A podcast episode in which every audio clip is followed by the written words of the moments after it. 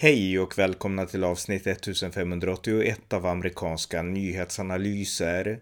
En konservativ podcast med mig, Ronny Berggren, som kan stödjas på swishnummer 070-30 28 95 0.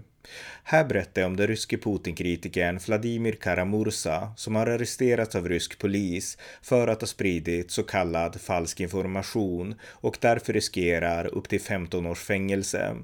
En illustration av den ryska brutalitet som Ukraina med sitt försvarskrig säger bestämt nej till på sitt eget territorium. Varmt välkomna! Ja, jag tänkte berätta lite om två saker som tydligt visar kontrasten, skillnaden mellan Ryssland och Ukraina och som därtill illustrerar varför vi i väst måste stå upp för Ukraina och stå emot den ryska aggressionen. Och det har att göra med att vi vill inte att Ukraina ska bli som Ryssland. Och eh, om vi börjar med det som händer i Ryssland. Eh, jag läste för några veckor sedan en väldigt intressant bok som heter Putins krets, maktkampen om det moderna Ryssland. Eh, skriven av den amerikanska journalisten Caroline Shelton utgiven av Albert Bonniers förlag här i Sverige 2020. Och det här är en bok som eh, beskriver Putins väg till makten från när han arbetade med borgmästaren i Sankt Petersburg på 90-talet tills han blev då president tog över efter Boris Jeltsin eh, 1999 och hur han sen eh, eh, stärkte greppet om makten i, i Moskva. Och eh, det här är en väldigt läsvärd bok. Den bygger på att eh, författaren då, Catherine Belton, hon intervjuar männen som stod Putin nära eh, i tidigt i hans skede och som sen har fortsatt, somliga av dem åtminstone, att stå Putin nära. Intervjuar oligarker och väldigt många andra ministrar och, och liknande. Så att en mycket läsvärd bok för de som vill förstå Vladimir Putin. Och jag kanske gör ett poddavsnitt där jag recenserar den här boken mer ingående också. Men ett tema, och det är det jag tänkte prata lite om nu, som beskrivs i den här boken, det är hur Putin verkligen har har inskränkt yttrandefriheten i Ryssland. Eh, på 1990-talet när kommunismen hade fallit och eh, Ryssland blev fritt från sin egen ideologi så att säga. Eh, då var det så att eh, även om det var mycket kaos i Ryssland så var det yttrandefrihet som rådde när Boris Jeltsin styrde. Eh, man kunde, precis som man kan i väst, man kan kritisera Magdalena Andersson här i Sverige, man kan driva jäck med Joe Biden i USA. Och man kunde också kritisera och driva jäck med Boris Jeltsin i Ryssland på 1990-talet. Jag vet inte om det var exakt lika fritt som i väst, men det var otroligt fritt. Det var liksom inga repressalier om du kritiserade den politiska makten. Ehm, när Vladimir Putin tog över 1999 så började han relativt snabbt med att strypa den här friheten. Friheten, yttrandefriheten och friheten att kritisera och häckla makten, alltså honom själv. Den ströps stegvis och idag så finns den knappt och det för mig in på det jag tänkte prata om. Ehm, jag rapporterade i en podd för några, jag tror att det var några veckor sedan nu, om hur den ryske oppositionspolitikern Vladimir Karamursa arresterades av rysk polis i Ryssland den 11 april. Och det var dagen efter, eller om det var samma dag, som han hade intervjuats av amerikansk media och där hade han, jag tror att det var MSNBC, och där hade han kritiserat Putins krig i Ukraina. Och eh, eftersom han gjorde det så kom polisen till honom och eh, arresterade honom och han kommer nu att åtalas för att ha spridit eh, falsk information, så kallad falsk information. Och straffet för det här uppgår till hela 15 års fängelse. Så att en av Rysslands mest kända oppositionella sitter nu arresterad och riskerar 15 års fängelse. Och det här är en person som är, han har bott i väst många omgångar i USA. Han har skrivit för Washington Post. Han har fått olika priser som människorättskämpe i Ryssland. Han pratar engelska flytande och eh, han var en god vän med den avlidna amerikanske senatorn John McCain som var en tydlig klarsynt Putin-kritiker. En av de mest, absolut mest klarsynta amerikanska politikerna överhuvudtaget när det kom till Vladimir Putin. Han var en god vän med, med Vladimir Karamursa då. Och eh, Vladimir Karamursa var en av kistbärarna på John McCains begravning 2018. Eh, så att en väldigt västtillvänd eh, politiker i dryga 40-årsåldern. Och eh, han, eh, han, eh, hans fru i alla fall, hon eh, talade inför FNs eh, Human Rights Committee, tror jag att det var, häromveckan då efter att hennes make hade blivit arresterad och hon sa då så här. It is an honor to speak on behalf of UN Watch. Mr. President, for over two months we have been witnessing a bloody massacre of the civilian population by Russian armed forces on the territory of the sovereign state of Ukraine. It seems the world has finally realized who Mr. Putin truly is and is now watching in horror, thinking about what else this increasingly deranged dictator is capable of. Well, people like my husband have known it for over two decades and have tried, time and again, to warn the world about the danger of appeasing a bully who sees every compromise as his opponent's weakness. Twice in 2015 and 2017, my husband was poisoned by a team of FSB operatives whose only job is to physically eliminate the opponents of the current Russian government. He refused to be intimidated and forced out of his country, so he went back to Russia and continued his work. A month ago, Vladimir joined the ever growing list of political prisoners in Russia. He is being charged under a new law that criminalizes any opposition to Putin's so called special operation in Ukraine. And he is not alone. Over 15,000 people have been detained all across Russia for opposing the war in Ukraine. We know that only Russians can bring change to Russia, but in order for a grassroots movement to emerge in our country, we ask the international community to see these brave Russians who stand up to the current Russian government. We ask the international community to recognize their fight and to stand with them. Thank you. Så Vladimir Karamursa, han har verkligen fått betala ett, ett pris för att han har gått emot Putin-regimen och Vladimir Putin personligen. Och eh, det här ödet som många får dela med honom i Ryssland idag. Alltså Putin, han stryper verkligen friheten i Ryssland och eh, han eh, återför Ryssland till ett form av tillstånd som rådde under Sovjet unionens dagar. Och eh, som sagt, det fanns frihet under Boris Jeltsins tid och även under Putins tid så har ju friheten varit större än i till exempel Kina och sådär. Så att det har ju varit en slags semidiktatur länge under lång tid. Men samtidigt har Putin dödat de mest oppositionella och eh, nu blir förtrycket ännu hårdare internt. Och eh, det är verkligen viktigt för världen att uppmärksamma den här personen.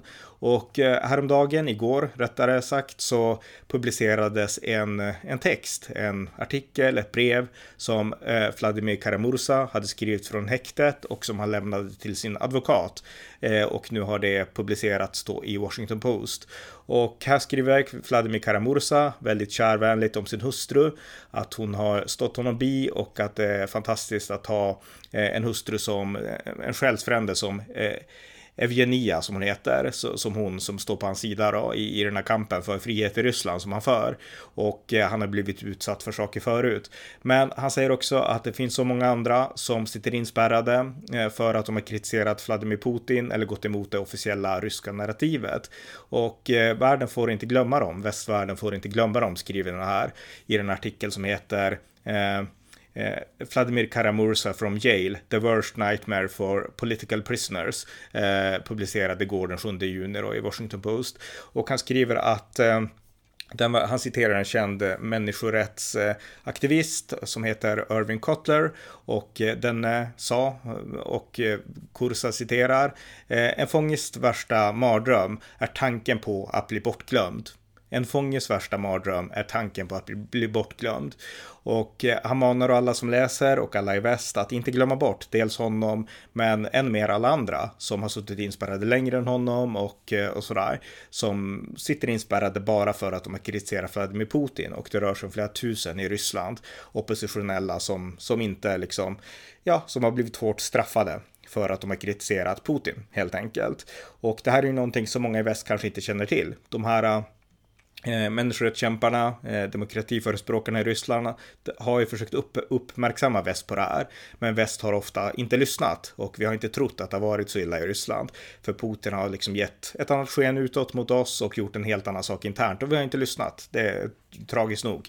Men det är så här det är och vi måste verkligen hörsamma det här och inte glömma bort de här fångarna. Och jag tänkte spela ett klipp med Vladimir Karamursa bara så att ni får höra hur han låter. Han pratar ju perfekt engelska och det här klippet kommer från när han intervjuades av American Enterprise Institute, den här konservativa amerikanska tankesmedjan för fyra år sedan.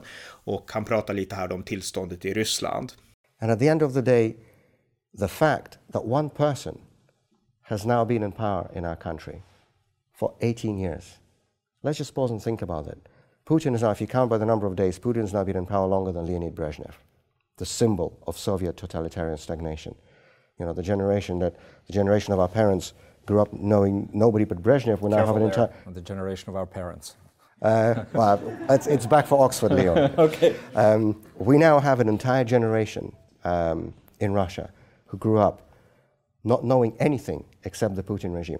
And I think this is all a part of the Kremlin's effort to build up a facade of a legitimate electoral process, whereas in fact, as everybody knows well, uh, we have not had a real competitive democratic election in Russia for years. And this is not me who's saying this. If you look at every single report by observers from the OSCE and the Council of Europe in every national election in Russia after the year 2000, they have concluded that every one of them failed to meet basic democratic standards and was not free, not fair, and not competitive.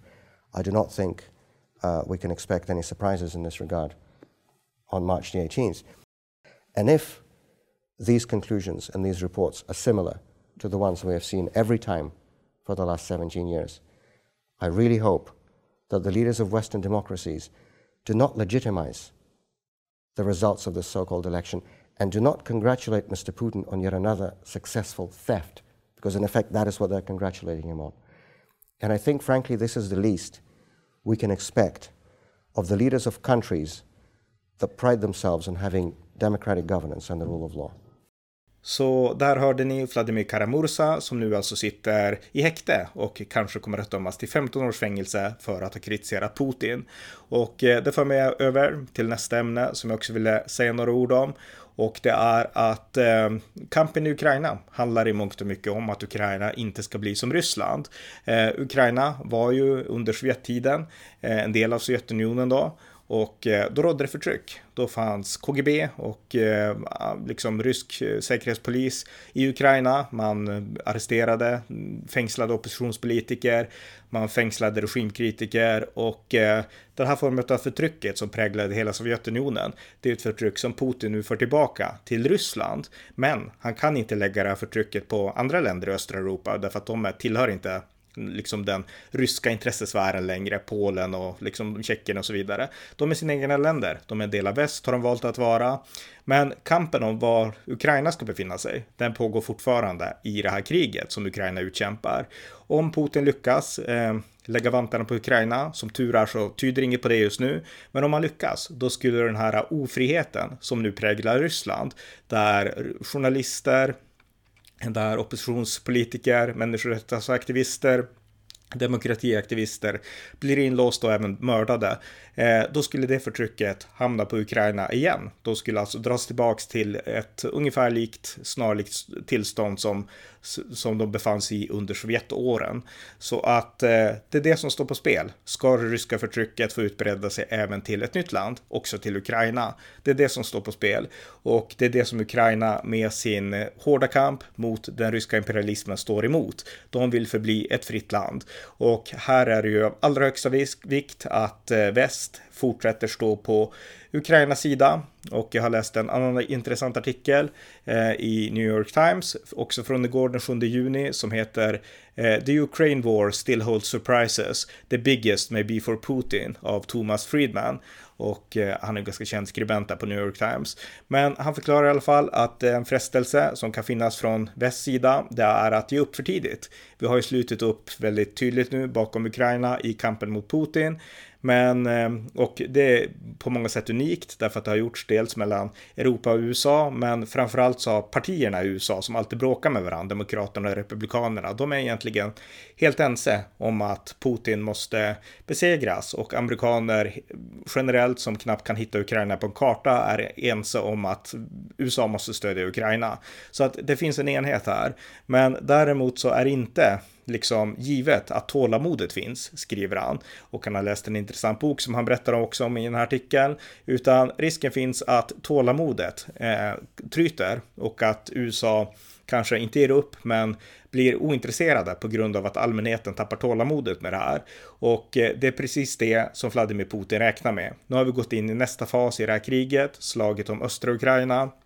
Och eh, Även om ingenting gick som Putin hade tänkt så har Putin fortfarande eh, en krigsmakt med det fortfarande största artilleriet. De har makt att beskjuta städer hur länge som helst och där har Ukraina fortfarande inte i närheten av lika mycket vare sig manskap eller material. Och eh, sättet för Putin att vinna det är att driva ett långt utdraget krig mot Ukraina och bara fortsätta hamra på som han gör därför att Putin behöver inte ta, eftersom Ryssland nu är en diktatur, så behöver Putin inte ta allmänhetens liksom reaktioner i akt och många i allmänheten vet ju knappt vad som händer på grund av propaganda så att han har liksom inga interna spärrar som kan stoppa honom inifrån på samma sätt att driva ett långt utdraget krig. Och gör han det så kalkylerar han också med att väst, för här råder det demokrati, vi kanske kommer att tröttna på att stödja Ukraina och den dag vi tröttnar, då vet han, då kan han vinna och ta över mer och mer av Ukraina. Så att det är lite det som är Putins politiska spel här och eh, det vi i väst bedömer bedömer att han kanske kommer att satsa på. Och vårt enda sätt att se till att han inte lyckas, det är att inte tappa tålamodet, utan fortsätta stödja Ukraina på alla sätt som går och eh, verkligen visa att det här är en kamp som vi kommer inte ge upp, utan om någon ska vika sig så är det Putin. Eh, och det här är någonting som vi, för vi, det här är ju en stor, har ju varit en stor nyhet, liksom varje dag nästan i flera veckor och månaders tid nu, kriget i Ukraina. Men till slut så kommer det bli vardag och eh, det är det som Putin räknar med och vi får inte låta det ske, utan vi måste fortsätta även när det här blir vardag och en vanlig sak och vi börjar prata om andra saker igen, så måste vi fortsätta ge stödet till Ukraina, därför att annars så kanske Putin vinner det långa spelet. Och eh, han gör det genom olika segrar på slagfältet och eh, skulle han vinna kriget så skulle historien skrivas om. Eh, och eh, författaren han hänvisar till Winston Churchill och hur krig avgör vilken väg som historien sen svänger åt. Och det här är ett sånt krig. Och skulle Putin vinna, då kommer historien svänga åt just det här tragiska hållet som eh, mer de form av samhällen som finns i Ryssland. Där journalister, regimkritiker och oppositionella spärras in och får långa fängelsestraff. Och vi vill inte att historien ska svänga åt det hållet och därför kan vi inte låta Ukraina förlora. Och eh, det är det som är mitt budskap också. Se vad som händer i Ryssland och eh, låt oss se till att det inte sker i Ukraina. Låt oss vara uthålliga och fortsätta stödja Ukraina i dess frihetskamp mot den ryska imperialismen som drivs av dess nye tsar, mini-Stalin, Vladimir Putin. Ehm, så att det var egentligen bara det som jag ville säga. Och det här är två mycket läsvärda texter och framförallt då den av Vladimir Karamursa i Washington Post. Ni har lyssnat på amerikanska nyhetsanalyser där jag så här på slutet vill mana er som har möjlighet att ge ett bidrag till någon organisation som stöder ukrainska folket. Vill ni bara stödja podden kan ni göra det på swishnummer 070-30 28 95 0. Det var allt för denna gång. Tack för att ni har lyssnat.